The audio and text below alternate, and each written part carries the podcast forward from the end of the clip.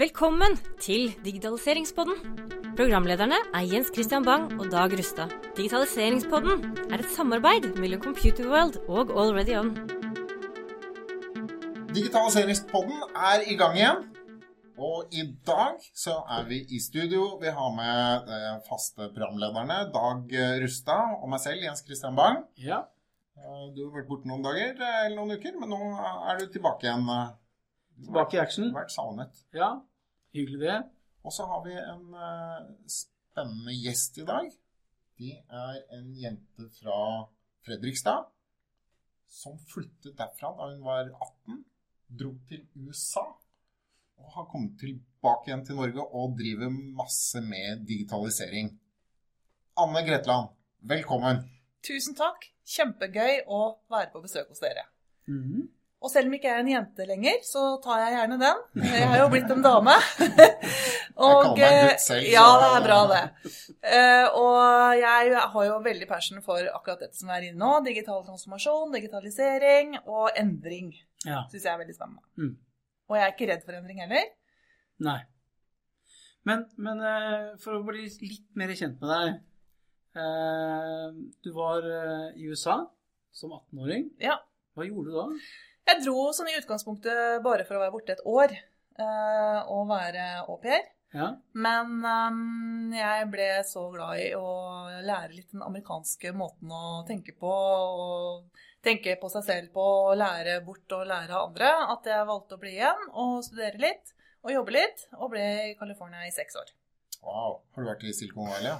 Jeg har også vært i Silicon Valley. det har jeg. Og da jeg kom tilbake, så begynte jeg å studere her. Og så var det en venn av en venn som tipsa meg om at det var en ledig stilling i Microsoft. Og så tenkte jeg at det kan jeg jo ingenting om, så det er sikkert kjempespennende. Ja? Å lære IT og sånn. Mm. Og jeg trodde egentlig at det skulle være mm, helt, eh, helt noe annet enn det det var, men jeg fant ut at jeg egentlig var litt av en nerd. Ja. Så det passa egentlig bra. Og så hadde jeg en litt annen tilnærming enn det teknologiske, enn det tekniske. Eh, litt mer salgstilnærmingen og business-tilnærmingen, så egentlig var det en perfekt match. ja. Hvilket år var du begynte i Microsoft? Det var i 1998. Og da var du der i hvor mange år? Ja, så ble jeg 17 år, da, vet du. Oi. Oi. Ja, det er, det er sånn når man har det gøy på jobb, Er og det en hele mannsalder? tiden Ja, jeg vil si det er en kvinnesalder, kanskje. kvinnesalder. Mm. Men du har gjort mye mer enn som så. Ja, I, eh, Oda Nettverk. ja. eh, Jeg var jo med å starte Oda-nettverk eh, sammen med en gjeng med kollegaer fra IT-bransjen mm. i 2006. Da vi fant ut at det var altfor få damer i IT. Og det var det òg, for det var bare 19 Mm. Så tenkte vi at da må vi jo kunne ikke sitte her og klage over det, så vi får prøve å finne noe, å sette i gang noen tiltak til å få endra det. Så da lagde vi et nettverk for kvinner i IT-bransjen, og sørga for å skape arenaer hvor det var damer som kunne komme og snakke og diskutere sikkerhet og IT og tech. Ja. Og Men siden- da kjenner du vår forrige gjest, Det gjør jeg. Kristine Hoppenes. Kristine vet du, kjenner jeg veldig veldig godt. Så hun Ja. er jo min, en av mine med... Eller vi var jo en gjeng som starta Oda-nettverk. Så ja, så dere ble begge to med i den vi var med, begge to med i begynnelsen. Mm, helt riktig. riktig. Ehm, etter Microsoft, hvor gikk reisen da? Etter Microsoft så begynte jeg i et veldig spennende selskap som heter Compello, som driver med e-faktura. Og der var jeg med å utvikle en egen app. Eh, og det er jo ekstremt gøy, for da får man se utviklingssiden Ja. av, det, av, av det med teknologi.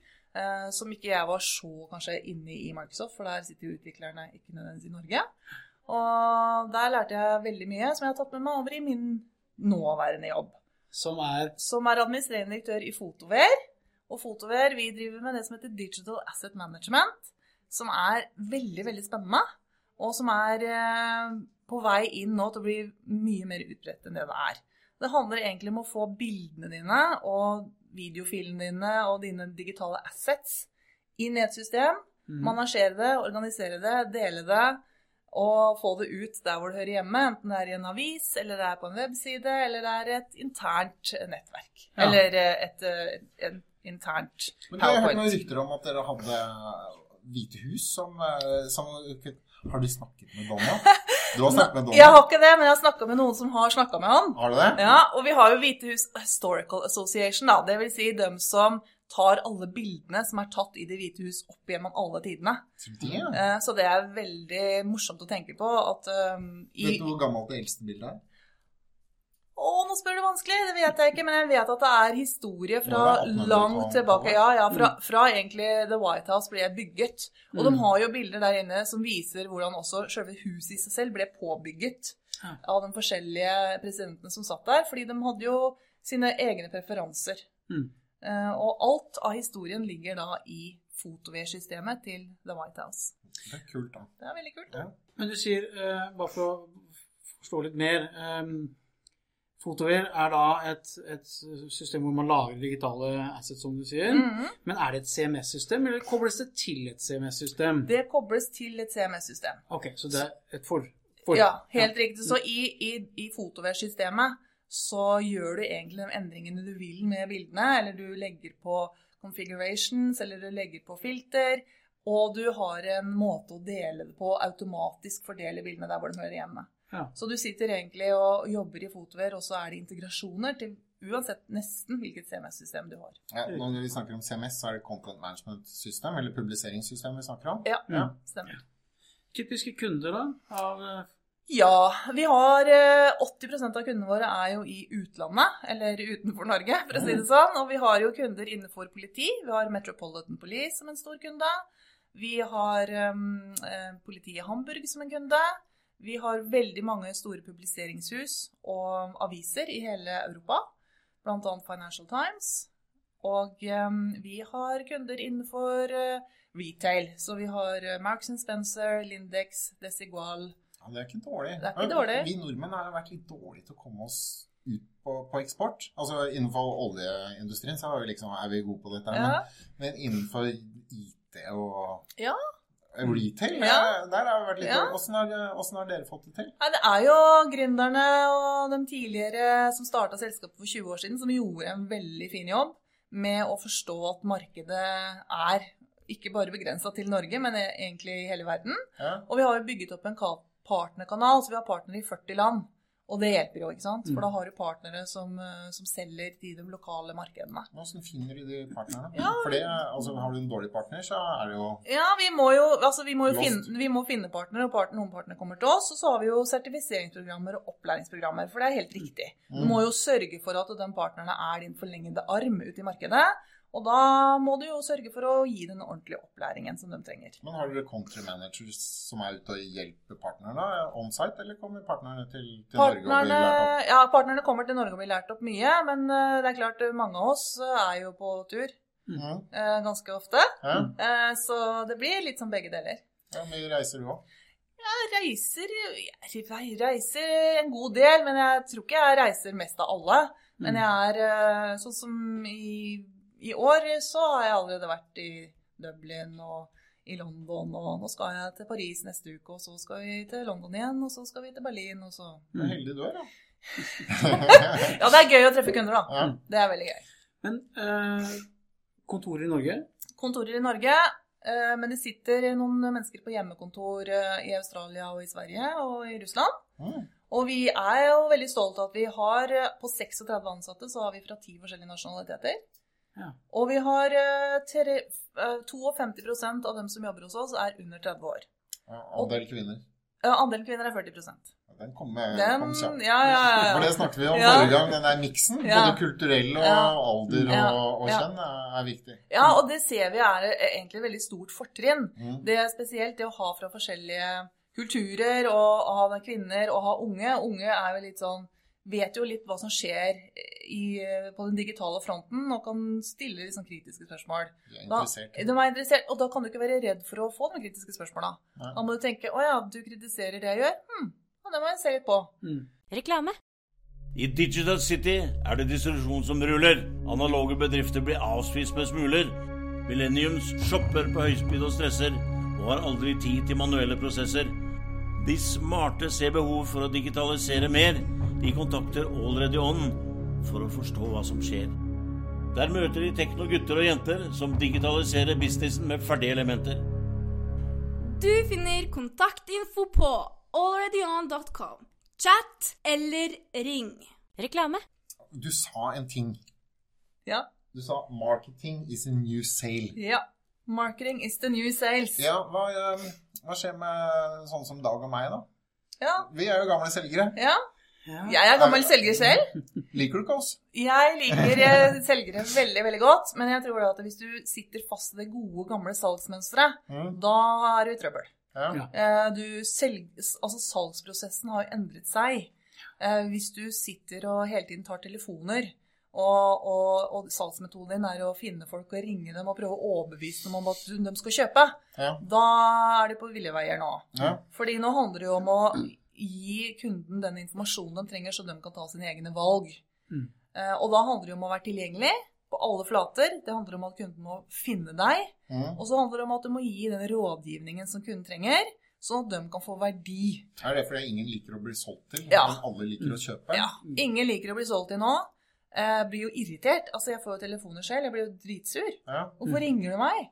Eh, det, det er ikke jeg interessert i. For jeg vil ikke bli overbevist. Ikke sant? Jeg vil ta mine egne valg. Ja. Du vil ha understøttet informasjon for å forsikre deg om at de valgene du tar, er riktige. Ja, det vil man jo også. Dessuten så er det jo ikke heller sånn nå lenger at det er én eller to personer i ethvert selskap som kjøper på vegne av selskapet. Det er ikke IT-sjefen eller innkjøpssjefen som bestemmer lenger. Det er jo brukerne. Mm. Brukerne har et behov. Du sitter i markedsavdelingen eller du sitter i salgsavdelingen, du trenger et verktøy, om du trenger EP eller CRM eller whatever. Mm. Og så tenker du ok, jeg trenger egentlig et nytt CRM-system, hva gjør jeg nå? Eller jeg, trenger, eller jeg trenger noe til å organisere filene mine, hvordan finner jeg det? Mm. Og da må vi som leverandører, software-selskap, da må vi være tilgjengelige. Sånn at, sånn at brukerne kan finne det. Ja, for tidligere så gikk du kanskje, i hvert fall i litt større selskaper, så gikk du til IT-sjefen og så spurte du kan riktig. du hjelpe meg med, med dette, og så gikk han ut og, Ja, og gjorde ja. Eller han kjente noen, eller hun kjente noen, og så, og så og var det den personen som hadde kanskje en personlig agenda.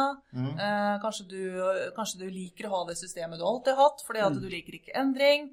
Og så sier han, han til brukerne nei, nå forklarer jeg med dette her, for at det, nå har vi investert så mye penger. Men lisensen her kosta så mye, vi har ikke råd til å bytte. Nei. Eh, ja, men, eh, Og det spiller ikke noen rolle om det var bra for bedriften, eller om brukerne likte det, om det ga verdi. Nei, det, da gjorde man de investeringene, og sånn var det egentlig. Mm. Ja.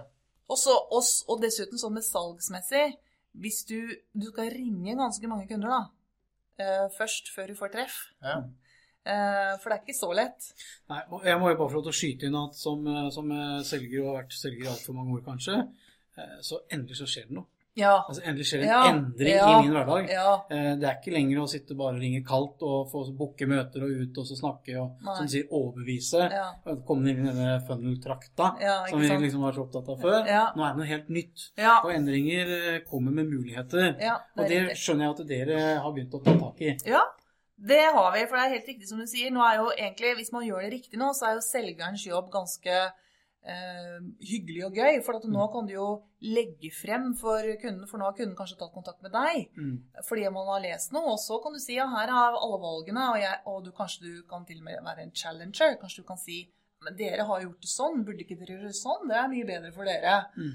Og, og fra å ha en tradisjonell funnel, hvor man så på antall leads, og så, og så ble det opportunities, og så ble det salg, og selgeren skulle ringe og så så mange telefoner, så kaller man det jo nå heter det jo flywheel. Ja, bare, bare for å ta den der har en nabo som har veldig god forklaring på hva er det der traktsalget. Ja, Og han kaller det for 100 knakk. Altså knakk på døren, 10 snakk og én takk. nettopp. Ja. Ikke sant? Ja. Så du må gå ut til ganske mange, du må ringe Ja. ganske mange. Ja. Så får du kanskje lov til å snakke med ti, Ja, og så sitter du igjen med én Ja, til hvis du er skikkelig heldig.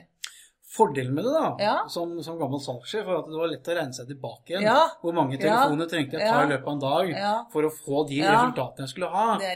Og det er klart, i den endringen vi er i nå, så er det kanskje andre mekanismer og andre utregningsmodeller man må benytte for å kunne regne seg tilbake igjen. Ja. Og det er, der er vi vel ikke helt ferdig med, med hvordan dette skal se ut, men vi er godt på vei. Ja, vi er godt på vei. Og så handler det også om andre eh, ting. Fordi at det er andre mekanismer. Det er ikke bare den derre for, når du har tatt den 20. samtalen den formiddagen, så blir det jo litt blasert også. Ikke sant? Så det, og det kjenner man jo på andre enden. Mm. Men det handler om hvis du klarer å attrahere kundene til deg, og engasjere med dem, Og når du har endelig fått dem da til å kjøpe, så skal du jo delighte dem, Sånn det heter. Mm. Attract, engage, delight. Ja, for nå er vi over på flywheel. Vi, nå snakker vi litt om flywheel. Ja. Uh, og det er fordi det, det er det nye, den nye måten å tenke på når det gjelder salg og markedsføring. ja, fortell mer om det. Dette Ja, er spennende. ja fordi eh, du, du istedenfor å tenke salg, og så uh, Først markedsføring, så salg, og så skal du drive med litt support. Mm. Og så var det en rett linje, og så var det liksom greit, så klarte kunden seg selv. Så tenker man mer nå på at du skal attrahere noen kunder, altså sørge for at de kommer til deg. Mm. Så skal du engasjere litt med dem. Der kommer jo den nye selgeren inn. Gi noe valg, gi verdi, stille de riktige spørsmåla. Og så skal du da kunden inn i en rull hvor Mm. du blir delighta hele tiden. Du skal få tilgang til ny informasjon, du skal få tips og triks, du skal Mm. bli fortalt eh, at den investeringen du har gjort, den er god.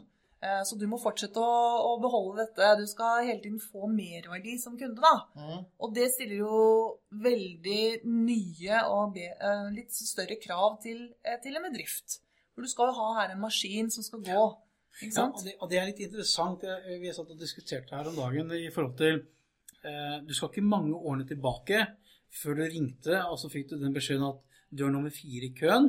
Eh, antatt ventetid er 23 minutter. Mm. Eller eh, kundesenteret er nå stengt, eh, vennligst ring i morgen igjen. Mm. De er jo helt Altså, det går jo ikke lenger. Nei, Da er du ute, da har du ikke butikk. det er helt riktig. For Ja. nå, nå må du være tilgjengelig Ja. til enhver tid Ja. på kundens premisser. Du må være tilgjengelig på, tilgjengelig på kundens premisser. Mm. Du må ha chat. Du må ha en webside som er enkelt å finne frem i. Du må ha, du, hvis eh, kunden sier noe til deg på sosiale medier, så må du jo svare. Mm. Du, kan ikke, du kan ikke la kunden ta kontakt og si du, har jeg lurte på noe også? Å nei, det er ingen som monitorerer. Det kommer en student og monitorerer Facebook en gang i uka. Det Mm. holder ikke, ikke sant? Du må hele tiden ha noen som kan svare. På Twitter, på Facebook, på LinkedIn. Og folk er jo våkne alle døgnet rundt òg, er folk over hele verden. Mm. Ja, og du får det jo på telefonen, og telefonen Ja, ja, ja. Så Ja, ja, du kan jo jobbe med, med telefonen Ja. som du jobbet med PC-en Ja. i gamle dager. Ja, og det er litt det også, som du sier, Dag, at det har endra seg mye. Før var det sånn 9-4-greie eller 8-4-greie. Mm. Det kan man bare glemme nå. For nå tar jo kundene valg. For kundene er jo for, altså brukere, og, kun, og brukerne er jo vanlige mennesker. Mm. Og Mm. man tenker ja, jeg trenger et nytt system, get. Og det tenker, tenker du kanskje på på kvelden. Ja. Ikke klokka ti. Nei, nei, du får en idé der Ja, da. Da skal, skal det skje noe. Da skal det skje Ja, noe. Ja. Det er helt riktig.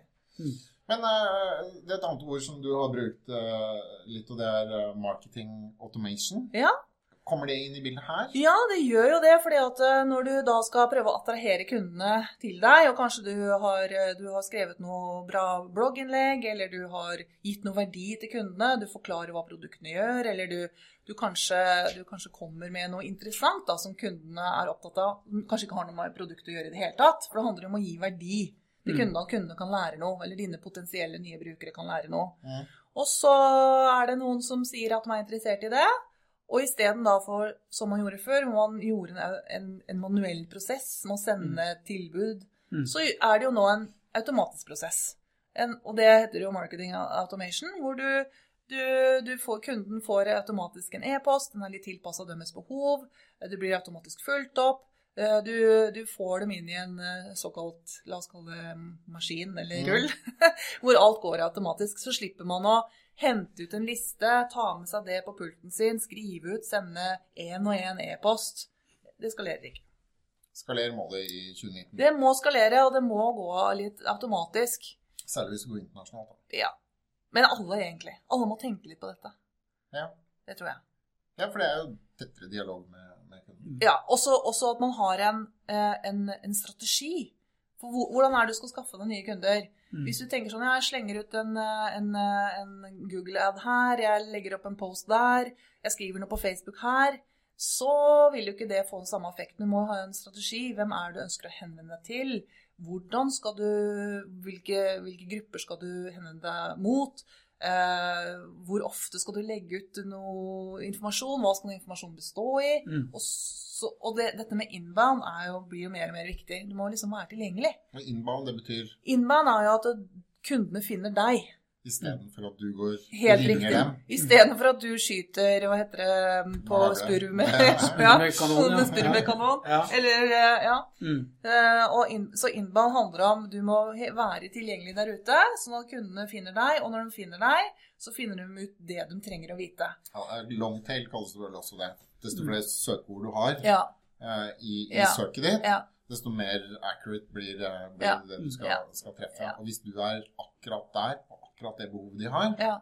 så blir det et salg. Ja. hvis det kan skje av seg selv. Ja, og, og, og ikke minst det du sier, at det kan skje av seg. selv. fordi det handler jo også veldig mye nå om å gjøre det enkelt å bli kunde. ja. Altså hvis man, hvis man eh, går på nettside i dag, og det ikke er sånn øh, klikk her for å, for å bli Mm. eh, handle eller bli kunde Mm. eller medlem, men du må liksom ringe eller Mm. sende e-post og noe der, ja, da, er vi, da, da mister du kunden. Mm, mange mister du da. Ja. Fordi mange vil ikke snakke med noen i det hele tatt. Du, du, har, du, har, du har funnet ut at du har et behov. Du har vært på internett, la oss kalle det det, eller sosiale medier og funnet ut, så du har kanskje tre leverandører. Du har, eh, du har sammenligna dem forskjellige, og så sier du ja, ja, nå vil jeg kjøpe. Mm. Ja, da må du, som du sier, da må du inn på denne websiden. Enten må du få kontakt på chat, eller du skal helt aller helst klikke på en link, laste ned en prøveversjon, få lov å teste den, og så når du vil kjøpe, så skal dette gå automatisk. Mm. Eh, og da Kan du legge igjen noe kontaktinfo da, i den prosessen? ja, det må du, det må du Ja, ellers greier du ikke å, å følge dem opp. Ja, Ja. du må legge igjen noen kontaktinfo. Men, men du, eh, du snakket litt om det der med å ha en strategi på marketingen sin. Ja. Og det tror jeg, og Da jeg gikk på skolen, så var det Kotler og, Ja, ja. og marketingmiks og alt det der. Men ting har jo endret seg ganske mye siden da med, med sosiale medier. For det er jo Mhm. ofte der man treffer eh, folk dag Mm. Åssen lager man en sånn strategi? Hva tenker man på da? Ja, man må jo tenke på Man må jo ha et, egentlig et sånn langtidsløp. Hva er det du ønsker å bidra med? Hva er det produktet ditt gjør for potensielle brukerne? Hva har det av verdi? Og hva er det du har som mål? Ja. Vil du, vil, du, vil du tjene mest mulig penger, så får du gå for de største kundene. Vil du ta market share, så må du jo være, må du spre deg ut. Eh, vil du ha kunder i utlandet, så må du kanskje tenke litt annerledes enn enn norske. For du, Mm. hvis du skal ha kunder i, i utlandet, som vi har, så må du alt være på engelsk. Ja. Eh, ikke sant? Så du, og du må tenke hvor er det vi vil, hva, vi, hva vil vi få til, og hva er vårt ultimate mål, hvor er vi om fem år? Mm. Og så må du legge den den strategien ut ifra det. Ja, men det er jo sånn som vi også har skal vi si, tenkt i, i mange år, den der med button up, eller altså at du går, går tilbake. Ja. Altså, hvis jeg skal være der om Ja, fem år, ja. Også, hvor skal jeg være om fire år? Ja, hvor skal jeg være om, helt riktig. Ikke sant? Og Ja, og hva må jeg gjøre i dag for å få det til? ja, Men det å, men det å tro at Men det å sitte og si ja, vi skal bare ta alle markeder og hvem som helst som vil kjøpe, da igjen er du litt for brei, da. Du må tenke hvilke vertikaler er det som er viktig for oss? Hvor er det vi har vår styrke? Hvor er det vårt produkt treffer aller best? At vi gir mest verdi for kundene våre? Mm. Og kanskje spesialisere deg inn mot den vertikalen, og igjen mot de brukerne. Skal vi ha brukere som, eh, som er innenfor et spesialistfelt, eller skal vi bare si hvem som helst kan bruke det? Det er mye lettere å, å spesialisere seg og, og gå for, for de potensielle brukerne. Da. Men noe som er litt sånn um, tungt eller vanskelig innenfor sosiale medier, Mm, uh, er jo dette at idet du setter i gang med en aktivitet på sosiale medier, mm. så tar det jo litt tid før du får respons. Man snakker jo om uh, Altså hvis du begynner å legge ut content da, Ja, for å bli ja, kjent innenfor det fagområdet som du holder på med. ja. Det blir jo ikke det på, på første uka, eller kanskje første måneden. Det tar kanskje ja. Det 18-20-30 måneder før du mm. kommer Det- i skikkelig posisjon. Da. Det er et veldig, veldig godt poeng. Og jeg tror at eh, hvis du hvis, Men igjen, det handler om at da er det en del av strategien din. Hvis du bare skal få ut noe på Facebook bare for at du liksom må være der, da har du heller ikke en ordentlig strategi rundt dette. Eller passion. Eller passion. Mm. Du må jo tenke at ja, nå, dette her er en del av vår salgsprosess.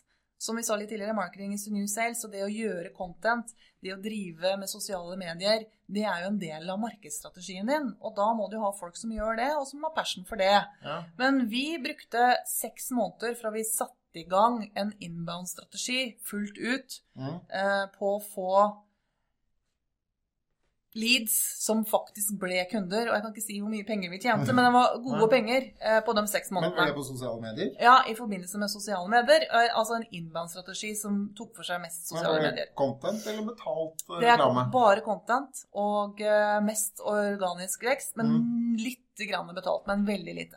Men hva tror du om um, AdWords oppi dette her? For AdWords er ikke på en måte Ja, men alle brukte jo penger på, på AdWords.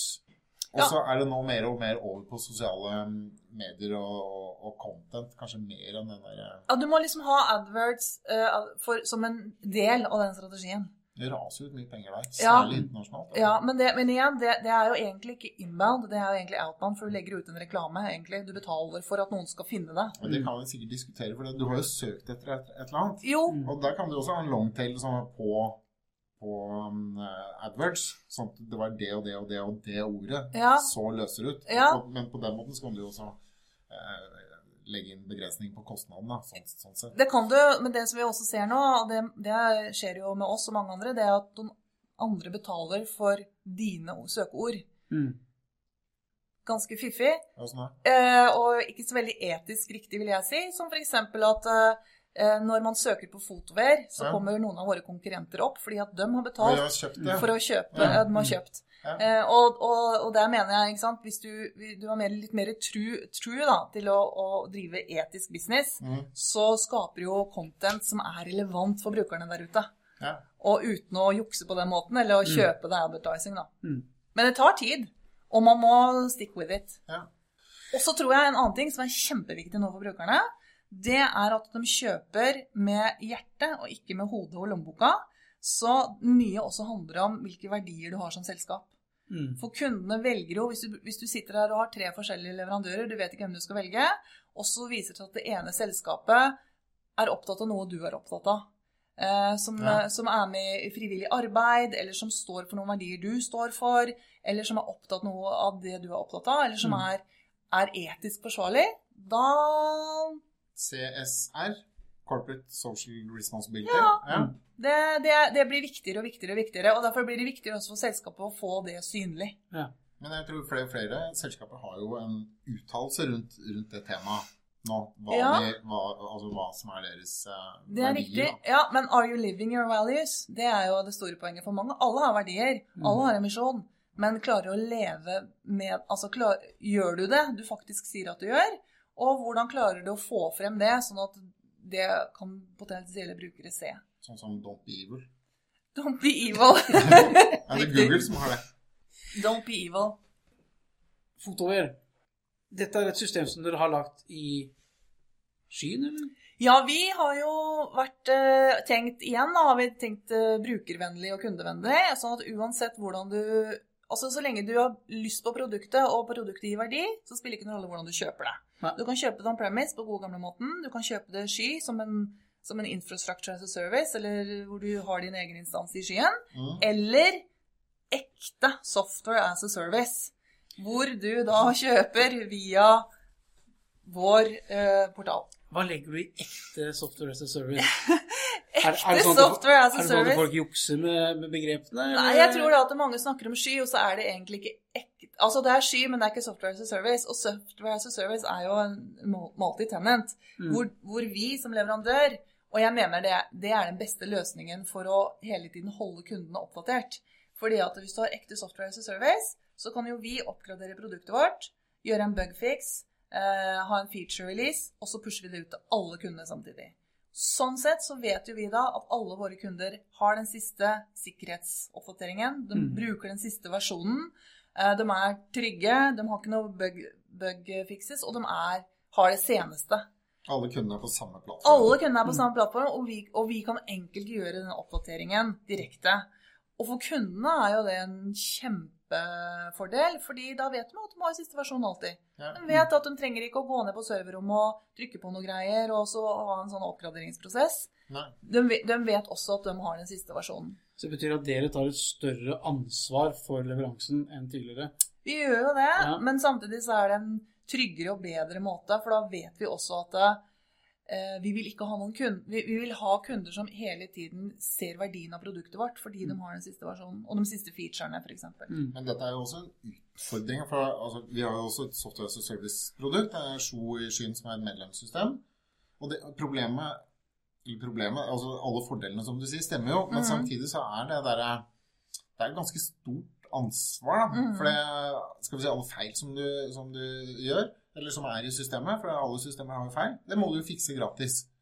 Hadde det vært en, en eh, egen installasjon som bare var den kunden, så hadde du kun betalt for all bugfiksing og, og, og videreutvikling. Ja, det kommer jo litt an på hvordan du priser det, da. Du Mm. må jo kanskje prise inn i prisen din den månedlige avgiften eller den årlige avgiften som kunden betaler, at du har et element med, med oppgradering og bugfixing. Så det, det, da er vi jo tilbake til business igjen, hvor business og, og utvikling og teknologi går hånd i hånd. Mm. Du må, jo, du må jo legge det inn i prismodellen din, så du tar høyde for nede, altså nedetid, eller det at du ikke skal ha nedetid og ha noen folk som monitorerer, det at du skal hele tiden kjøre oppgraderinger, at du skal bugfixe, det må ligge i prisen, sånn at det, det føles for kunden som det er gratis. Ja. Eh, og du får betalt for det, men du får det i, i den prisen I som du har måneds- satt. Ja, i månedsabonnementet eller leien. Ja. Mm. Men det er jo veldig annerledes fra den, den forrige måneden. Og det, eh, jeg leste om dette, det å prise, som du gjør på nå, ja, det er noe som eh, folk ikke bruker nok tid på. det er riktig. For det er, litt, det er ganske vanskelig. Det er vanskelig. Ganske, altså det, det er mye du skal få dyttet inn i det, og samtidig så skal den der prisen oppleves som rettferdig Ja. fra, fra kundens side. Helt riktig.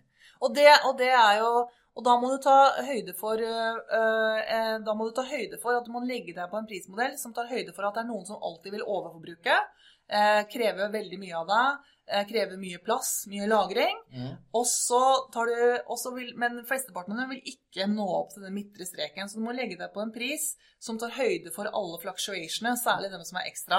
Mm. Så da kan du jo gi noen kunder ekstra oppmerksomhet, men de, de andre betaler for det, basically, da. ikke sant? Ja, du kan jo også legge inn flere parametere, Ja. sånn at de betaler for, eh, for Ja. data, f.eks. Men da mister du jo altså Det er mange kunder som ikke forstår prismodellen også, for da blir den for kompleks. Du må ha en veldig transparent prismodell. Og det, det har jo vi. Vi har jo prisene på weben. Det Mm. står hva du får, det står hva du betaler for. Og som du sier, hvis du vil ha ekstra lagring, da betaler du for det. Hvis du vil ha noen ekstra features, da betaler du for det. Og det er veldig sånn tydelig og veldig enkelt. Ja. Igjen Så- enkelt å være kunde. Det skal være enkelt å være kunde. Og det, og det må jeg bare få skyte inn. Vi har um, eh, sånn, altså Hvis du går tilbake på en kontrakt fra 2015 Mhm, og ser på leveransen på den avtalen i dag, mm. så er den allerede utdatert. Mm. Fordi kundene forventer en helt annen leveranse. mhm, Eh, Og det tror jeg går litt på den, altså den mhm. kundeatferden og, og reisen som, Mm. som kundene Mm. våre er på. Mm. At det er en helt annen eh, forventning til leveranse og, og, og vilkår Mm. i 2019 da, enn enn i 2015 bare. Så det, det skjer utrolig raskt, Ja. denne, denne endringen. Det gjør det, og, og kundene stiller store krav. Og det er jo også fordi veldig mange av de store software-selskapene har jo aldri kjørt den linja. Så hvis du har Office 365, så forventer du er jo inne i den rullen. Du forventer at det kommer oppdateringer og oppgraderinger. Og da kanskje gir du slipp på mer og mer av serverrommet ditt. Du gir slipp på mer og mer av den monitoreringen selv. Mm. Og da må jo vi andre software-selskaper følge med. Da kan jo ikke vi si å nei, men hvis du skal også, da må du kjøpe server. Mm. Men du har kanskje ikke plass til noen server lenger, for at du har, eh, du har egentlig alt i skyen. Eller software as a service, da. Mm. Og det, og det er jo også dette her med eh, Da har jo kunden Kunden har da muligheten til å fokusere på sin business, det de skal drive med. At de skal jo også tjene penger. De skal jo også eh, få ny business. Istedenfor at du har en hel haug med folk som sitter på serverrommet eller, og, og på en måte bare drifter eh, Mm. de systemene du trenger for å levere det du skal. Internt i bedriften. Internt i bedriften. Det er bare bortkasta, ikke sant? Ja, nei, det er ikke core business, det. Det er ikke core business i det hele tatt. Og sånn sett så, så trekker man jo Man setter jo det bare bort til leverandøren og sier ja, vet du, da får du sørge for oppetid, da. Da får du sørge for at jeg alltid er på. Jeg holder på med dette. Jeg driver og Ja. selger tepper og stoler og Det skal bare funke. Det skal bare funke. Ja, helt riktig. Mm. Men der kommer vi også innom et, et, eh, område som jeg tror er ganske nytt for, eh, for eh, kunder, og det er at oftere og oftere så er jo en del av det de gjør, uansett om det er å selge tepper eller hva det, hva det er, så er det digitalisering i det. Mm. Så hvis du selger tepper, så må du antagelig selge det på nett òg, Mm. ellers så blir du Det er ut, utkonkurrert. mm, Og skal du selge noe på nett, så må du ha en mening om hvordan den netthandelløsningen din skal funke. Riktig. Og plutselig så er du en IT-person allikevel. Ja. Du kan sette bort til, til et utviklingsselskap, men du må likevel eh, legge opp alle disse her eh, strategiene og tankene og, videreutviklingen videreutviklingen av det, det systemet selv. Og da blir du en product manager. Ja, og da, eller du kan, eh, du, du kan si det sånn, da. Enten så må du ansette noen nye unge mennesker som ikke ikke har noe problem med dette, eller så må du jo være endringsvillig selv. For Ja. ja, da må du gå fra å være selger til å være product manager, da. Ja. Eller da må du gå fra å drive med tradisjonell marketing, marketing til å bli en digital markedsfører. Ja. Og det er jo det man sier, at eh, det er så mange jobber som ikke fins i dag, men som bare om noen få år vil finnes. Mm. Så enten må du ansette dem, eller så må du endre deg selv. Mm. Det hørte- det hørtes litt selv. Nei, det er så gøy! Og hvis man ikke endrer seg, så blir man jo stuck. Ja.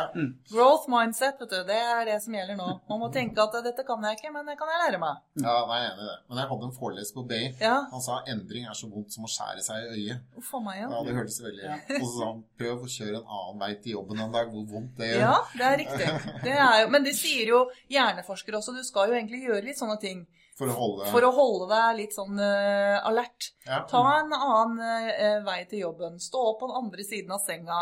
Ikke gjør det liksom i det gamle mønsteret, men gjør en liten avstikker. Mm. Så venner du, hjernen, deg- venner du hjernen din til at eh, endring er ikke farlig. Og det er vel viktigere og viktigere desto eldre man blir. Jeg tror det også. Ja. Veldig viktig. Ja, det- øh, ja, det er bare en sånn liten bi-greie.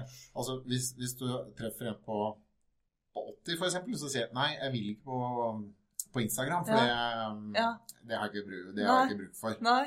Så er det sånn, ja, men du skal kanskje leve 20 år Ja, til, ja, ja. og Ja, ja. Instagram er nok ute om eh, fem år, og da har det kommet eh, en til og en til og en til.